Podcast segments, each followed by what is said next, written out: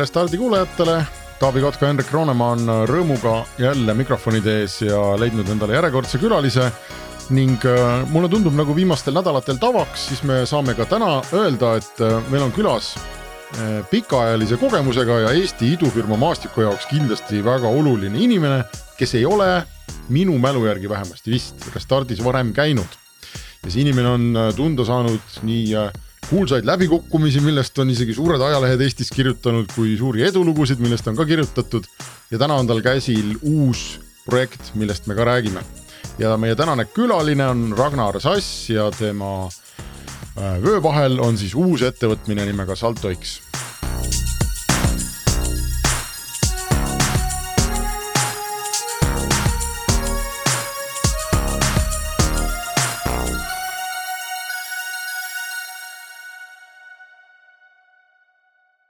tere, Ragnar.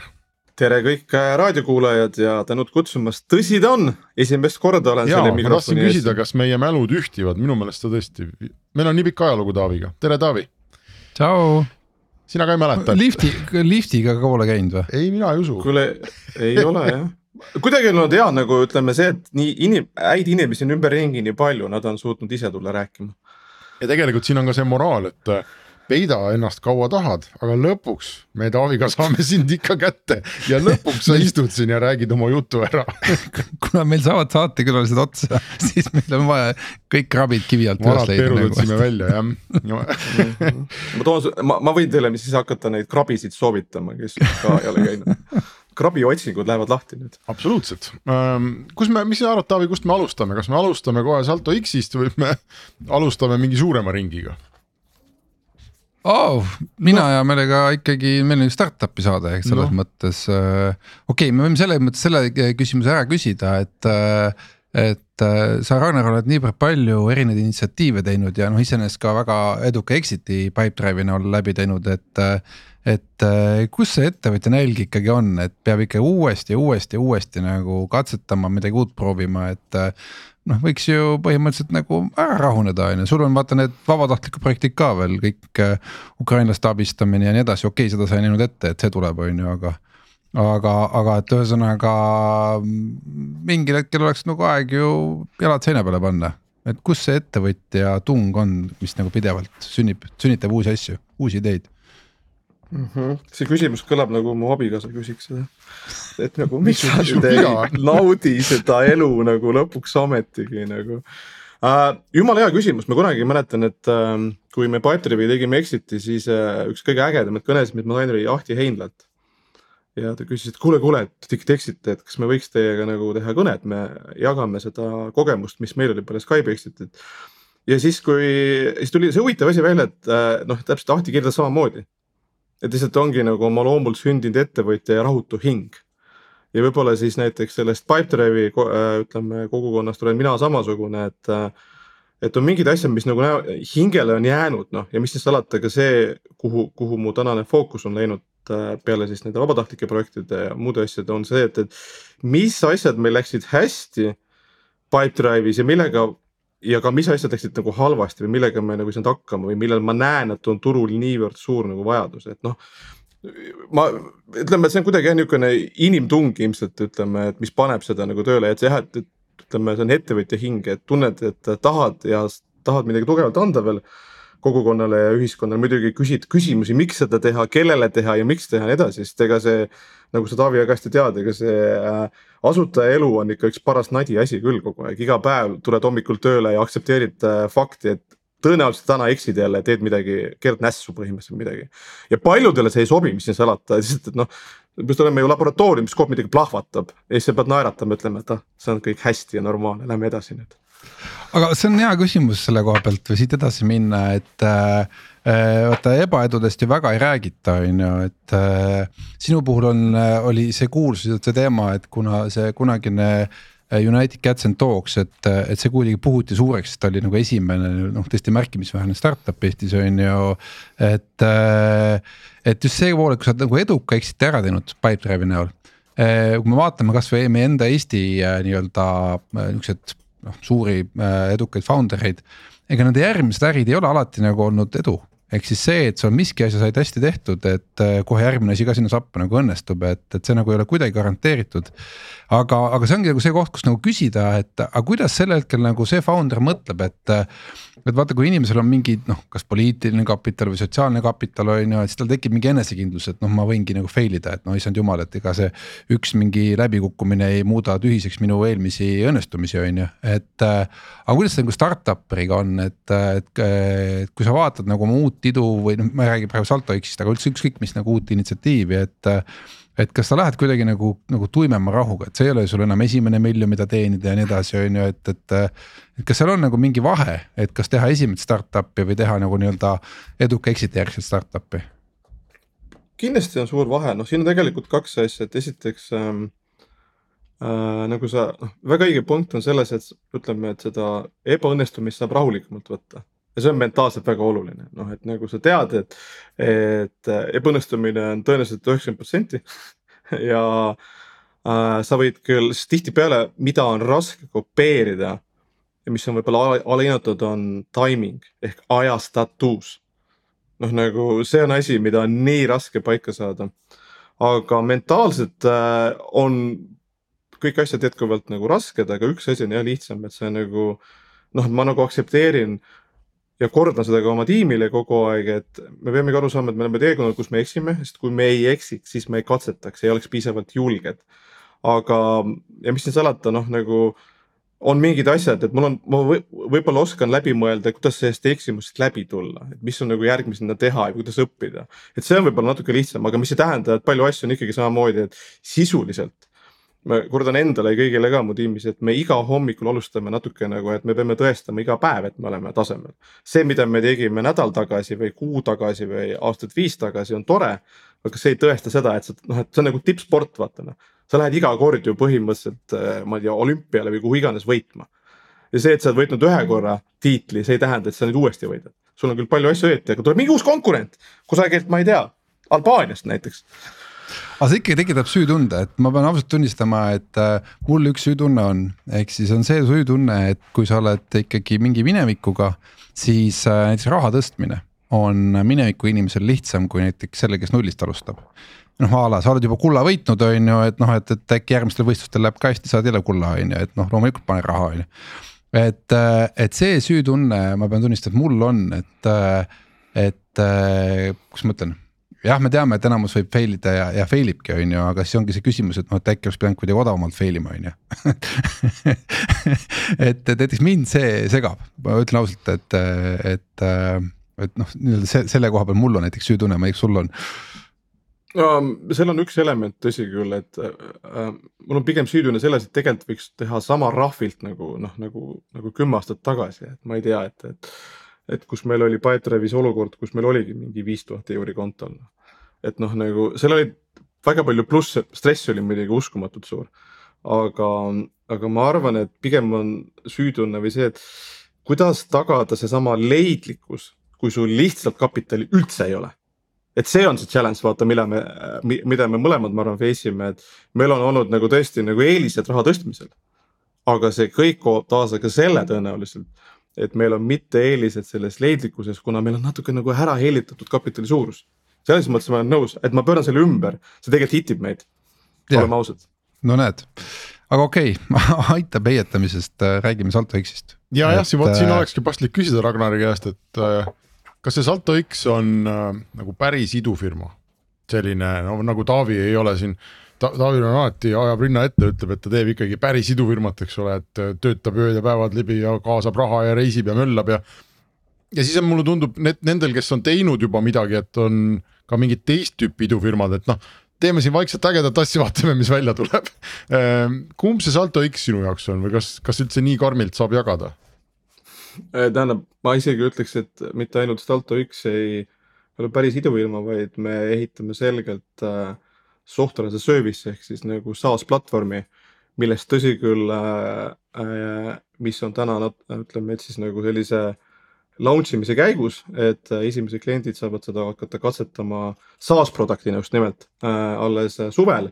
me oleme tõsi teinud ka asju, mis, mis noh, ei kvalifitseeru SaaS-i alla, nagu näiteks tegime kampaania aidates äh, neljakümnel firmal käivitada endale põhimõtteliselt aktsiaoptsioonid üheteistkümnes riigis et noh, seal oli tõesti elemente, et, et kas see on SaaS, vastus on, et see ei ole SaaS, aga platvorm, mida me ehitame, on selgelt startup ja tarkvara platvorm.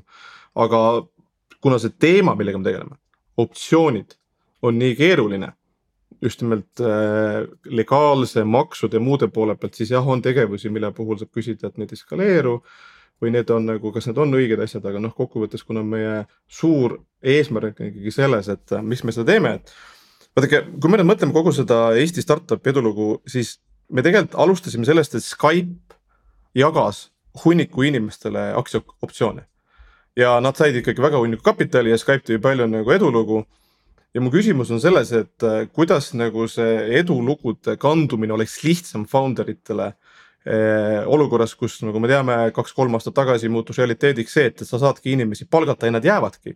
kas siis Usbekistani, Albaaniasse ja kuhu iganes aga see legaalne komplekssus ja kogu see operatiivne komplekssus, kuidas neile jagada optsioone. noh, ma olen Boltiga veetnud tunde koos, kellel on töötajaid üle viiekümne riigi. ja noh, see komplekssus on ikka nagu uskumatult keeruline, et see on see probleem, mida me lahendame, et kui sul on töötajad üle maailma laiali ja sa tahad olla kindel, et iga töötaja saab mitte ainult optsioone, vaid ta saab sellest ka aru muideks, sest et Eestis on, me oleme natuke ära helitatud, see on muutumas heas mõttes standardiks. tõsi küll, see on muutunud standardimaks startup'i sektoris, aga kui sa lähed natuke sellest mullist välja, siis noh, ma võiks küsida samamoodi, et aga miks ei jagata töötajatele optsioone laiemalt kui ainult startup ides, sest see on nii keeruline lihtsalt. ja selles mõttes vastus on jah, see on kindlasti nagu sa startup äh, ilma, ilma komadeta aga võtame sedasama, aga võtame sedasama optsiooni teema, et ma arvan, et see on nagu hea koht äh, selle kohta isegi, ma arvan, see oli Karta CEO, kes ühes oma podcast'is rääkis sellest, et. Äh, et kuigi optsioonid on olnud nii-öelda maailmas olemas juba eelmise sajandi seitsmekümnendatest, eks, et. Äh, siis millegipärast need optsioonid on levinud ainult tehnoloogia valdkonnas äh, või tehnoloogia sektoris, natuke ka panganduses, aga näiteks keegi ei räägi restoraniäris või põllumajanduses ei räägi äh, optsioonidest, et noh a la, et. et sinu aastapalk sõltub sellest või nagu tulemused, et noh, et kuidas meie ettevõttel äh, suures plaanis läheb ja noh, kokkuvõttes ka ju põllumajandusettevõtted ostetakse, müüakse ja nii edasi, on ju, et, et, et see ei ole ainult noh. jah, need kümme X-i või kaks tuhat X-i, et noh, need tulevad peamiselt tehnoloogia valdkondadest praegu, eks. aga noh, kasv iseenesest on ju olemas mujal ka, et miks see nii on, et miks ikkagi ei äh,, ei noh, kuidas ma ütlen see, et ainult tehnoloogia valdkond on selle omaks võtnud, et miks see ei ole laiemaks läinud? see on super hea küsimus, aga ma arvan, et kui me alustame sellest, et, et originaalis see skeem on ju disainitud kiiresti kasvavatele ettevõtetele, täpselt on ju, noh et, et ütleme eeldus on selles, et kui need asjad töötavad, siis inimene tuleb, saab optsioone, maksab nende eest või ei maksa, sõltuvalt riigist, sõltub maksudest äh, mingi summa ja siis ta saab tohutult hea boonuse siis vastavalt viie kuni kümne aasta pärast. nüüd, kui me räägime põllumajandusettevõtetest või, või tavamajandusest, siis äh, nende puhul exit'id juhtuvad palju harvemini. mis tähendab, et see toob kaasa ka selle, et tegelikult optsiooni kui sellise peaks teistmoodi natuke läbi mõtlema. kuna tihtipeale mõni ettevõte tahabki tekitada olukorda, kus ta näiteks maksab nagu põhimõtteliselt dividende või muid asju. nii et, et oluline on selles ju tegelikult, et optsiooni võlu tuleb välja mm. sellel hetkel, kui töötaja saab selle vahetada raha vastu. see on tegelikult asi, see on nagu see magic moment on ju, see on ka, see on ka nagu see, miks tegelikult ma arvan, et meie timing on huvitav, et Pipedrive'is läks meil äh, aastat kuus, enne kui me saime teha esimese secondary sale'i ehk siis toimus tehing, kus töötajad said müüa oma optsiooni nüüd äh, viimase kolme-nelja aasta jooksul, nagu me teame, on juhtunud see huvitav asi, et ma tean juba olukordi, kus kahe-kolmeaastane firma saab neid müüa, sest Eestis on kolm fondi, kes tegelikult saavad, kes saavad LP-delt loa nagu noh. ja, ja nagu see on, aga ma arvan, et miks ta ei ole nüüd tavamajandusse nii jõudnud, esiteks nagu ma arvan, et see eeldab tiba teistsugust läbimõtlemist. ja kolmas asi, ma arvan, üks asi, mida ma olen avastanud üha rohkem, on, et kui palju, et kõige suurem küsimus optsioonidega on selles, kas töötaja saab aru, kuidas see töötab ja mis on selle võimalik väärtus tulevikus ja meie nagu statistika, oleme teinud päris palju erinevaid uuringuid, näitab, et ka kõige paremates ettevõtetes see protsent on alla viiekümne, kes tegelikult saab aru, kuidas see töötab. ja see on täiesti uskumatu, sest kuidas saab sind optsioon lõpuni motiveerida, kui ma tean ettevõtet, kus äh, värbaja läks töölt ära, olles värbanud sada inimest ja tal oli siiras küsimus, kuule, mis see optsioon, kas ma tegelikult ka peaks sellega midagi tegema ja välja ostma see on muidu üks asi, millega saab testida HR-i töötajaid ehk siis nad äh, äh, tihti räägivad optsioonidest kui mingist kogusest äh, äh, noh, a la kolm tuhat optsiooni, kaks tuhat, tuhat on ju. Aga kui sa küsid ta käest, et noh, et aga mis see on nagu suhtena ettevõtte nii-öelda kogupotti on ju, et noh, et, et noh, mitu null koma null null protsenti ma saan, on ju. või mis selle väärtus on, mismoodi seda üldse arvutada, et noh, a la kas ma sain praegu seitsmekümne tuhande euro eest optsioone või, või, või seitsmesaja tuhande eest on ju. et sealt vastu ei tule väga teravat juttu, ütleme ausalt, et ma on tihti tunne, et HR inimesed ise ka ei saa aru, et täpselt sellest teemast. aga, ja, ja, ja kiidan takka ka selle koha pealt, et näiteks ma olen seda lugu mitu korda rääkinud, aga siia saatesse sobib, et kaks tuhat kümme me äh, Nortalis mõtlesime, et äh, teeks optsioone. ja noh, kuna see ei olnud nagu nii-öelda noh, selgelt oli ka tarkvaraettevõte, mitte startup on ju.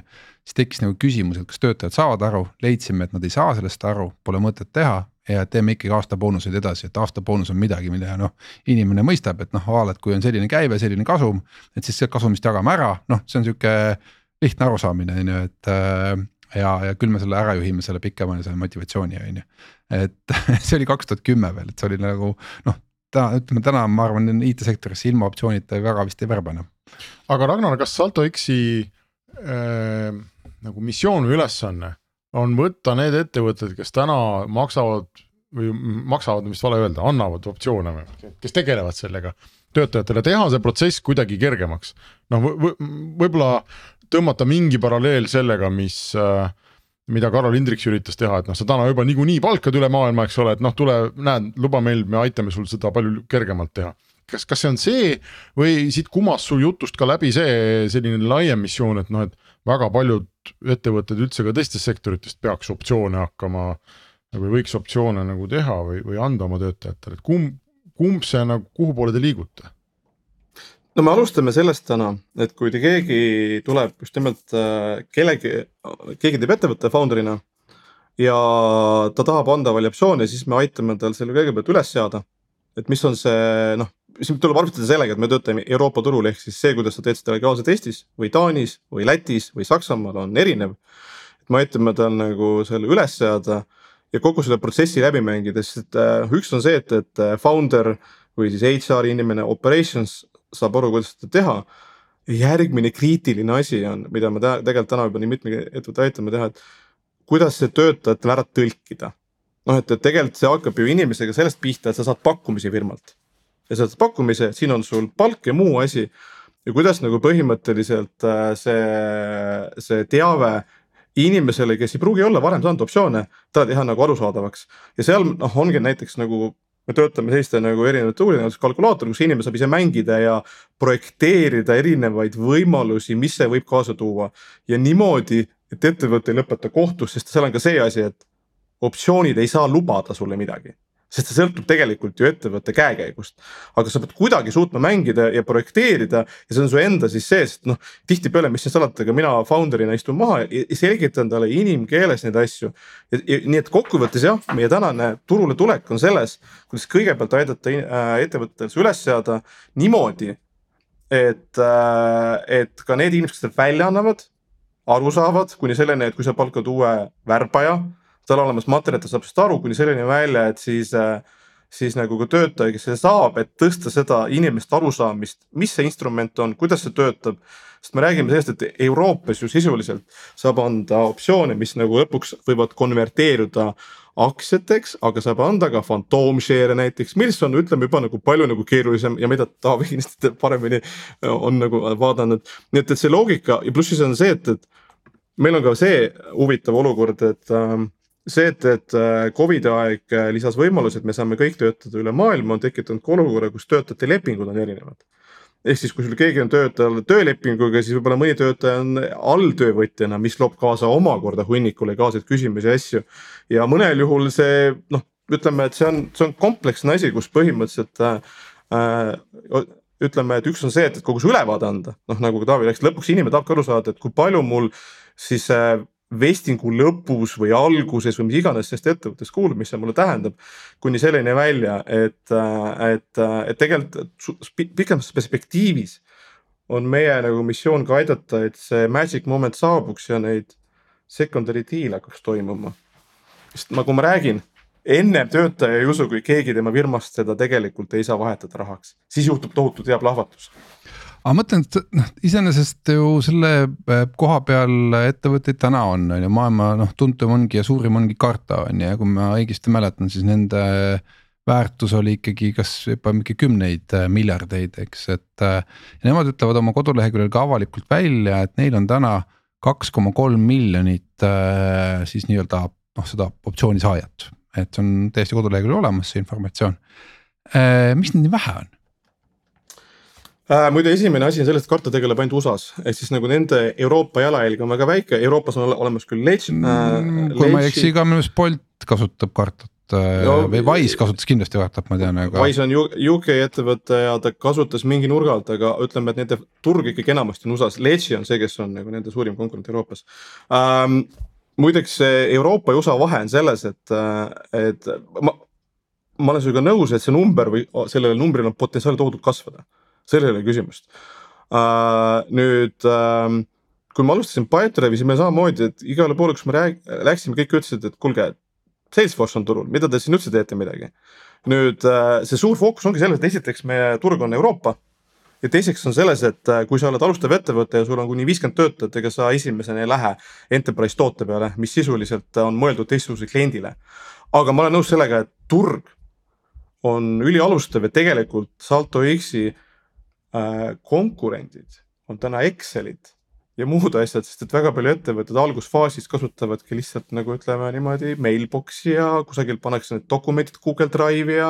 siis on sul mingisugune ülevaade Excelis ja nii edasi, nii et tegelikult me võitleme sellega, et või noh, ütleme tegeleme sellega, et kuidas seda turgu just nimelt võtta seda, seda äh, neid, kes täna tegelikult esimesena näevad, et kas see karta neid sisuliselt ei aita äh,. aga ma nõus sellega, et see turg, potentsiaal on tohutult suurem ja see potentsiaal tuleb sellest, et esiteks startup'ide arv tõuseb ja, ja teiseks ka see, et, et äh, kuidas see teha nii lihtsaks, et äh, just nimelt tavaettevõtetel oleks võimalik seda lihtsamalt võtta kasutusele, see on tohutu, tohutu võimalus.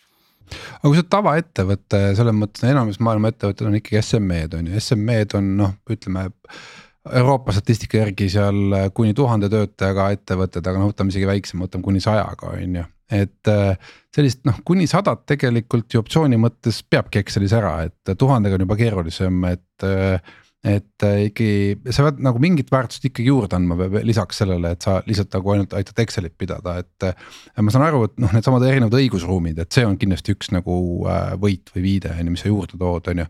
aga mis sa veel tood juurde nagu sellele ettevõttele, kes, kes nagu hakkabki siis mõtleb, et okei okay,, ma ei tee enam Excelis, ma teen nüüd Salto X-iga vaata, see esiteks on selles, et äh, Excel äh, nii hea kuldu ei ole, sest on raske skaleerida. teiseks on see, et see Excel on hea ülevaade CEO-le, aga ta väga ei aita kaasa sellele, et sul äh, töötajast aru saaks. just nimelt nagu see, mis me toome neile kaasa, selle, et me mõtleme ka selle poole läbi, kuidas see receiver ehk see, kes selle optsiooni saab, kuidas tema teadlikkus tõuseks ja, ja arusaamine tõuseks nii et, et see on, seal ongi noh, nagu platvormil on kaks poolt, on ju. esiteks kokkuvõttes firma otsustab ja paneb krediitkaart sisse CEO aga kokkuvõttes, kui sul äh, noh, ütleme KPI, mida me saame mõõta, ongi selles, et kui palju töötajatest saavad sellest aru ja kui palju see tegelikult see meede nende motivatsiooni tõstab. ja ma räägin, et tavaettevõtetega on see klinš, et tuleb ka aru saada, kas täpselt saab kopeerida üks-ühele sellist loogikat, nagu on äh, startup ettevõtetel, mille tegelikult ikkagi on selles nagu see, et, et see ettevõte on suunatud exit'ile mis tähendab, et kõikidel on nagu huvi omada selle ettevõtte aktsiaid. aga kui see ettevõte ei osutu exit'ile, siis on mul siiras küsimus, et äh, nii mõnelgi juhul see ei tööta lihtsalt. sest sama asi, mida te tegite Nortaliga, võib olla nagu nii kurb, kui see ei ole, õige vastus, et aga ei, pigem makske välja oma aastast kasumist või millest iganes nagu äh, finantsboonused. et selles mõttes tuleb olla ka aus, et, äh, et äh, kuna me täna selle turuga ei tegele, siis ma teen kindlasti, et üks-ühele seda ei saa kopeerida, kuna ta efekt ei ole samasugune nagu kiiresti kasvava ettevõtetel, kus on kus on see driver, et kui sa saad funding'u, siis on mingid äh, investorid, kes vaatavad, oh, see on cool ettevõte, ma tahan ka sisse osta ja nii edasi, nii et selles mõttes seda ei saa üks-ühele kopeerida. Aga nende arv on ikkagi ju suhteliselt väike, et äh, kes jõuavad sinna secondary round'i, noh B-round'i, B-round ikkagi me räägime kuskil seal kaheksakümmend, sada milli väärtust on ju, eriti pärast sellist kriisi, et, et äh, nende ettevõtete hulk, kellele sellist lubadust, kes sellist lubadust saavad välja anda, et noh, neid nagu okei okay,, tuhandeid võib-olla on, kas kümned tuhanded on juba? Ehm, ma ütleks, et ma tean ka Eestis hetkel äh, kaks nädalat tagasi toimus just ühe ettevõtte secondary just nüüd, noh ärme räägime kaks aastat tagasi, kes on A-raundis ja ma tean ka ettevõtet äh, äh, secondary tehingut seed round'is. et see on fundamentaalne noh, nagu, nagu liikumine, et ma olen sinuga nõus, veel Pipedrive'i aegadel oli see standard B, B-round on ju, aga me oleme liikunud sellesse, kus on see äh, varem ja varem. pluss, mis, mis oli minu jaoks nagu väga äge kuulata, et Eestis on ettevõte, kes on nagu täpselt nagu A-roundi ära teinud ja nad on nagu tekitanud streamline'inud loogika, mis võimaldab töötajal müüa ja cash ida sisse suurusjärk äh, kümme, kakskümmend tuhat euri sest et nagu te teate, selle tehingu puhul legaalne kost ja muu asi on märkinud, kui sul ei ole see läbi mõeldud. aga nad on seda streamline inud ja see on selles mõttes minu jaoks nagu huvitav äge kogemus, et ettevõte on viitsinud selle läbi mõelda. ja samamoodi on nagu see, et, et nii et, et, et see, et see number tegelikult on üha suurem. aga noh, ütleme, et me ikkagi räägime ettevõtete sadadest tuhandetest, on ju. ja see efekt on lihtsalt, et need äh, secondary toimuvad varem tõsi, noh, turg on muutumas, nagu me teame, aga ma ütlen, ma ikkagi võtan datat, mis on hetkel töötab, et noh, mitte kaks aastat tagasi, sest selgelt meil on tagasilöögid seal. ja siis teine asi on muidugi selles, et mis te arvestate, et täna nii võib juhtuda ka seda, mida me tegelikult näeme, et ettevõte, mis on jõudnud kusagile näiteks B-raundi. ta omab huvitavat olukorda, kus ta võib ja peaks launch ima uue optsiooni pool'i, mis kajastab tänast reaalsust paremini. sest järgmine asi, mida võib-olla me ei ole üldse nagu viimased mitu aastat siis aastat neliteist näinud, on selles, et ettevõtte valuatsioonid lähevad alla, mis tähendab, et optsioonid on vee all. mida see tegelikult ettevõttele tähendab, et ta võib hakata need töötajad kohe kaotama, kuidas seda adressida? mis ja muide, mis tehakse sel puhul, see on nagu huvitav küsimus või kas meil Eestis on mingit praktikat, et äh, annad siis niimoodi valuation'i kukkumise võrra juurde, et kas sa kompenseerid ettevõttele selle vahe või mida, mida Eesti idud teinud on, kui üldse midagi? Strike price'iga mängitakse. Äh, no see on äh, jah, see on üks võimalus on nüüd see, et kui tuleb down round, et äh, sõltub nüüd, mis äh,, mis alushinnaga sa need oma optsioonid said, on ju, et äh,. et noh, oletame, sa noh astusid poole teekonna peale sisse, on ju, ettevõte on kuhugi maani ära veetud, no oletame näiteks kahekümne miljoni peale on ettevõte ära veetud, sina astud uksest sisse. nüüd hakkasid juhtima seda ettevõtet, äh, kui see ettevõte kasvab, siis on sul loogiline, et sa saad sellest osa nii, nüüd kui tuleb down round ehk siis äh, pärast kolme aastat möllamist tuleb välja, et, et ettevõtte hind on nüüd kaheksateist milli, mitte kakskümmend on ju ja kuigi sa võib-olla kasutasid seda ettevõtet, siis et nagu noh, see viis, kuidas väärtuse hinnatakse, on muutunud, on ju. ehk siis sinu optsioonid tegelikult on vee all, täpselt nagu Rannar ütles, et sa, kui sa nagu võtad selle hinna pealt, millega sisse tulid. nüüd on madalam hind, siis noh, mitte midagi ei teeninud, on ju. ja siis tavaliselt nagu lepitakse kokku, et noh, ma ei tea, strike price on üks või noh, ühesõnaga mingi oma hinnaga, et, et. või siis tehakse see, noh ongi see, et noh, sorry, aga nagu näed, noh oli küll kasv, aga mitte piisav, et, et õigustada nagu uut investeeringut, et noh, tšau et on erinevad võimalused. Äh, üks võimalus on ka see, mida ma näinud, et ähm, tegelikult ettevõtted, kes jõuavad C-raundi, neil ei ole mitte ainult siis nagu üks optsiooni puhul, võib olla nagu see neli, viis, kuus. ehk sa lihtsalt teedki näiteks ütleme, ütled, et nii, et olukord on selline, me täna teeme uue pool'i, mis on X protsent ja anname tõenäoliselt just nimelt täna juurde, et tagada see, et nagu te, te saaksite õiglase osa sellest asjast nagu. nii et, et ja mis teeb kaasa jällegi selle, et noh ütleme, meie tiimis on näiteks nagu töötajaks töötas Wise'is ja ta kirjeldas nagu värvikalt, kuidas nagu Wise'is. kui sa teed secondary round'i, siis sa tegeled sellega kuus kuud, kuna sul on see asi lihtsalt nii suureks läinud ja need tool'id noh, mis. kui lõpuks sa jõuad Shareworks'i nagu iganes, aga noh, see on ikka huvitav maailm, kuhu sa välja jõuad, kui sul on töötajate arv nagu nii kõrge. sinna me selgelt nagu täna mängima ei lähe, aga ütleme, et see maailm kui selline on tohutult kompleksne, huvitav ja väljakutseid täis aga sa ütlesid, et su fookus on praegu ainult ikkagi äh, Euroopa, et sa ei roni kuskile USA-sse, et karta maailma ei lähe ei, ei ole mõtet lihtsalt, et kuna ka see Euroopa, nagu ma räägin, et Euroopa on ju tegelikult ikkagi iga riigil on mingi oma loogika ja meil on. me oleme siin nagu natuke ära eelitatud, et kui me räägime Baltikumist, siis ka näiteks Index, kes on teinud nagu optsioonide analüüsi, on selgelt öelnud, et Baltikum iseenesest on üks nagu lihtsamaid kohti. aga niipea kui me läheme vanasse maailma edasi, siis, siis see komplekssus nagu üha läheb keerulisemaks. nii et, et meil on siin nagu siin Euroopas seda mängumaad ikkagi julgelt neli-viis aastat, sest et üks on see legaalne loogika, aga teine, kuidas tootearendus toimub ja kuidas üha lähemale jõuda selleni, et see, et kokkuvõttes töötajate teadlikkus tõuseb, nii et see on kogu see asi, millele me tegelikult rõhku paneme, et noh, kui.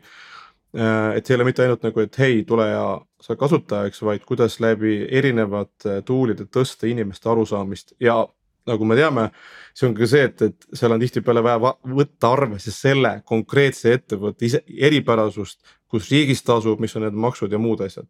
et selles mõttes see on väga-väga pull maailm võib-olla meil on hea koht tegelikult, ma hakkasin vaatama murelikult, et me oleme siin filosofeerinud optsioonide üle.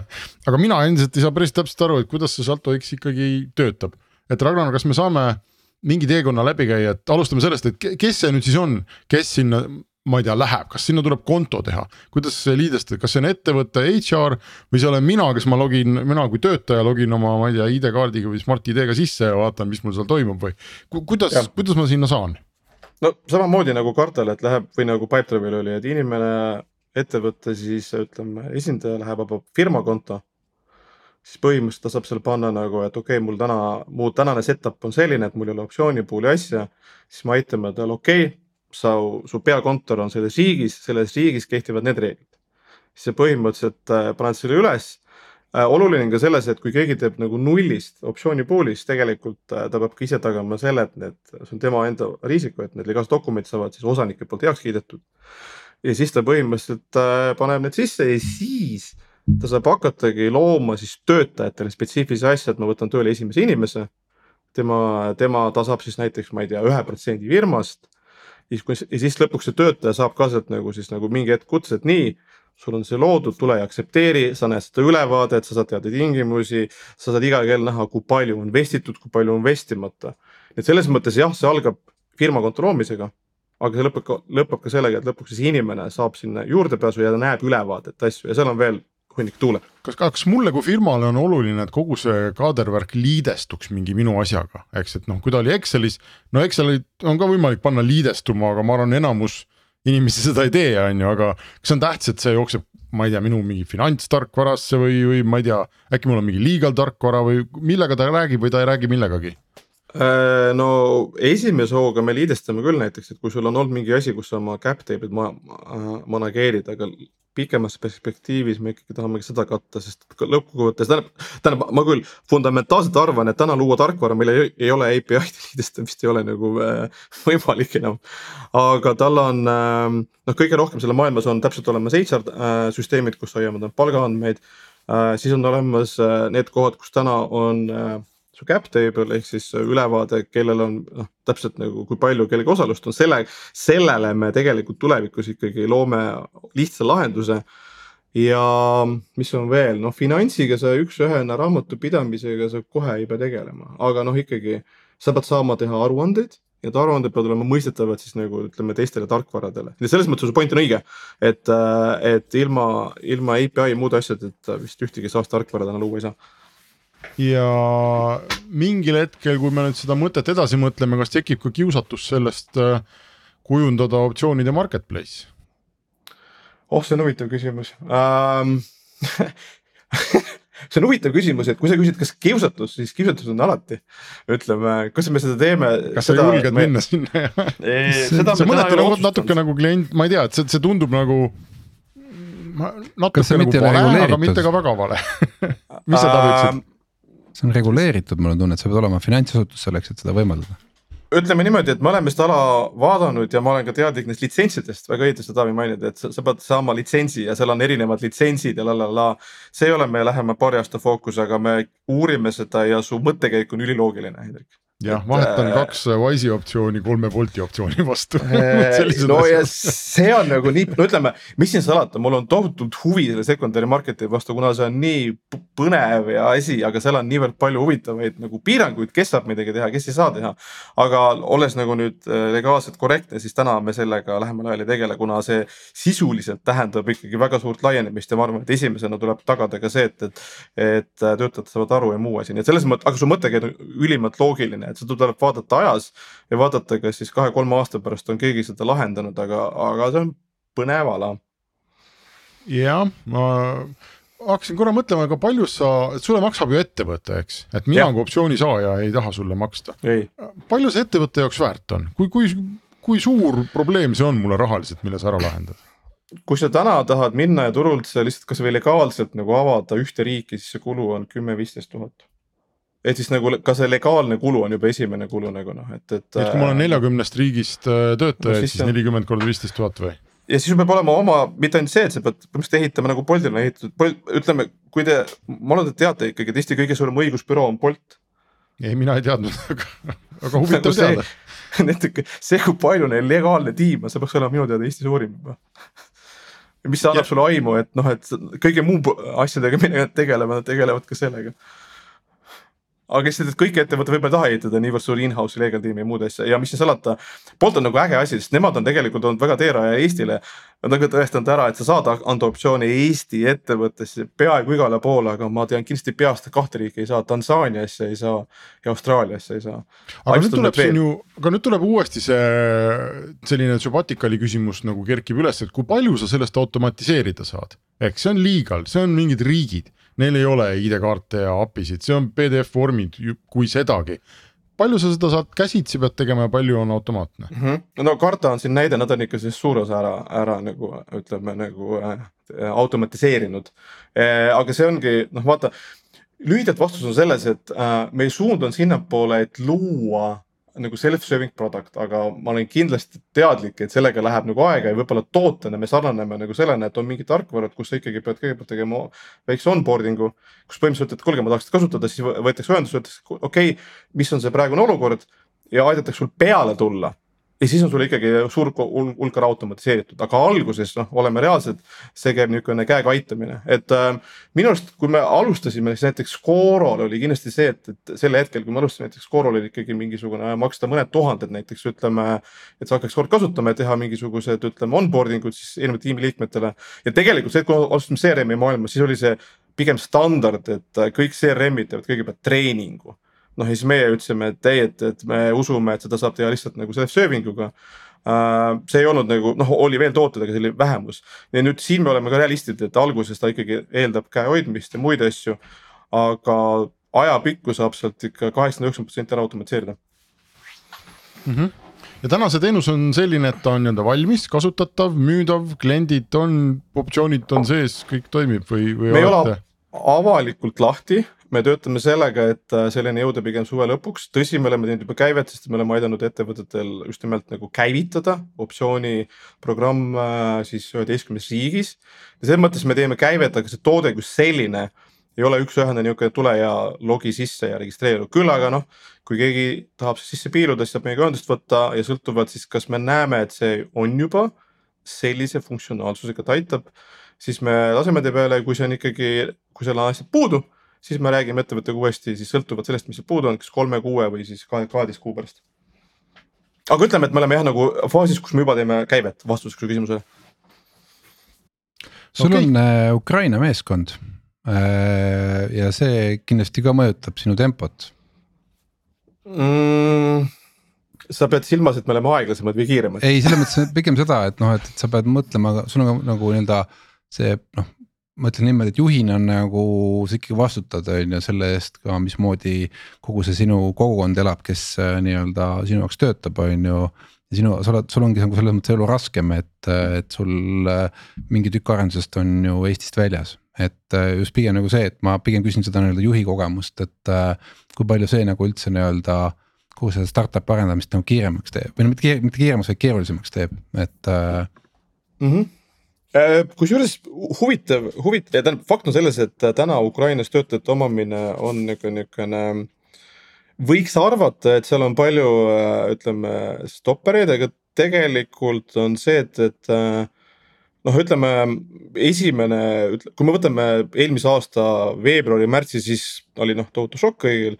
nüüd, aga mis on huvitav, on see, et inimesed suutnud väga kohanduda Ukrainas nende oludega noh, võib-olla jah, mingisuguseid olukordi, kus korra internet ei tööta, nüüd viimane kolm-neli kuud on suutnud Ukraina hoida oma need igasugused äh, elektri, interneti, kanalisatsiooni, vee töötavana, nii et tegelikult äh, on see üllatavalt nagu stabiilne, kui aus olla. noh, loomulikult on küsimus hoopis selles, et mis tähendab nende inimeste mentaalne elu noh, see on nagu, nagu palju karmim, et äh, ja võib-olla seda mõju me ei oska veel täna mõõta, sest see jääb nagu Euroopasse püsima ma arvan, järgmised viisteist, kakskümmend aastat.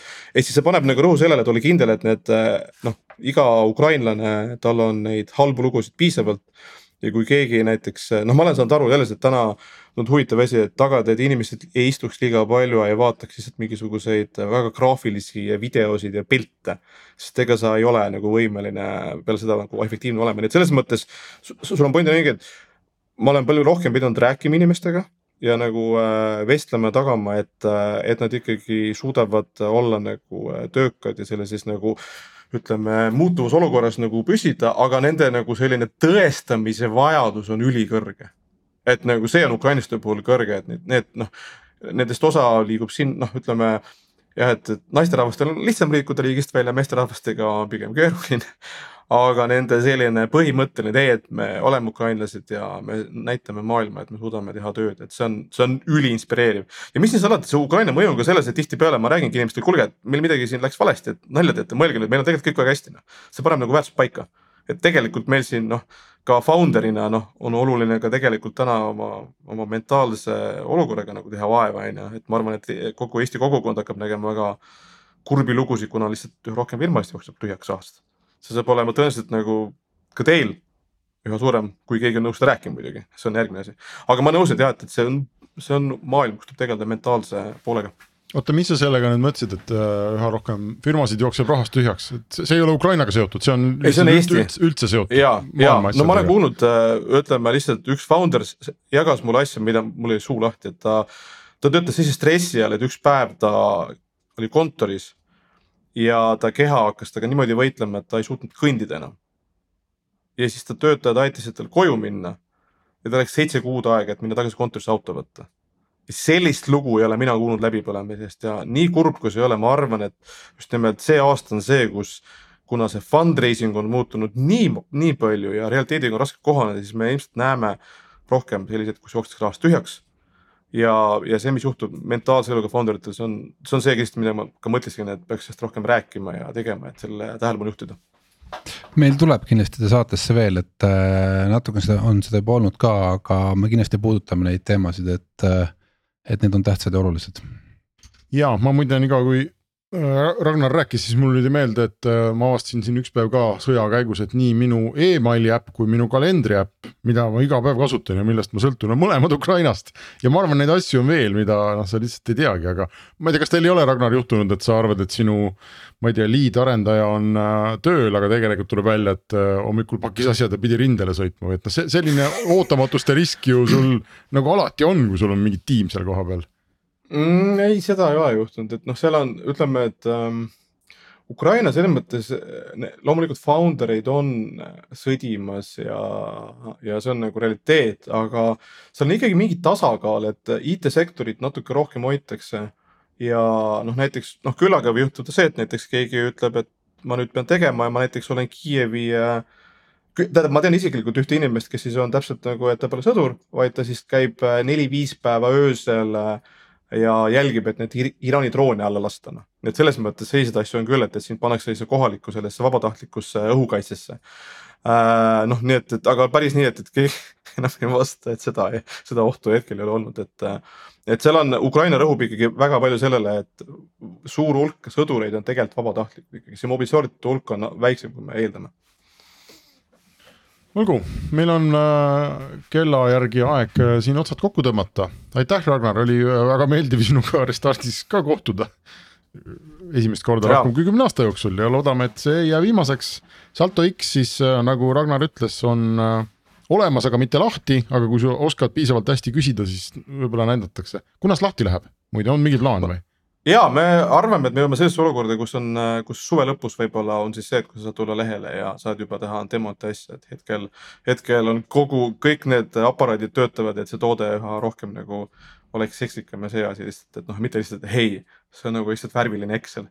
Et seda on lihtsalt, seda inimesed ei oota, see neid ei, ei nagu ei ei vaimusta. Ja me töötame, et oleks üha, üha rohkemate võimalustega, nii et suve lõpus, aga ma ütlen, et kui kellelgi on mis iganes küsimusi või asju optsioonidega, siis me ütleme jätkuvalt, see on kogu meie armastus ja me oleme iga töötaja võtnud tööle selle, sellega, et, et kui sa tahad siin töötada, siis sa pead suutma sellest aru saada ja ka kõikidele seda, seda selgitada ja, ja teha, sest muidu selles maailmas on nagu raske ja mis siin salata, ega nii mõnigi arendaja ja näiteks ka meie disainer, tal võttis kolm-neli kuud aega, et lõpuni sellest maailmast läbi tulla. ja siis kujutate ette, kui sa oled ta, tavainimene, saad mingi pakkumise asja ja sul see pool, kus sul seletuste pool on suht madal. kuule, kõik teevad seda, palun kirjuta alla ja lähme edasi. aga autosid saab kõik jätkuvalt annetada ja sellega sa tegeled kõik ka edasi? oo oh jaa, sest et mis siin salata, ütleme, et äh, kuidas ma nüüd ütlen äh,. meil nüüd läheb välja nüüd siis konvoi number äh, kuusteist ja, ja see hetk, kui see saade läheb eetrisse, siis äh, ma olen füüsiliselt teel Ukrainast tagasi Eestisse. Suur aitäh sulle selle initsiatiivi eest, et sa vead seda ikka. nii. veel üks põhjus, millega Ragnari jutule minna, kui ja, on aut, auto üle. Aga aitäh kõigile kuulajatele ja aitäh veel kord Ragnar sulle. Ning mina ja Taavi kohtume teiega nädala aja pärast, nii et kuulmiseni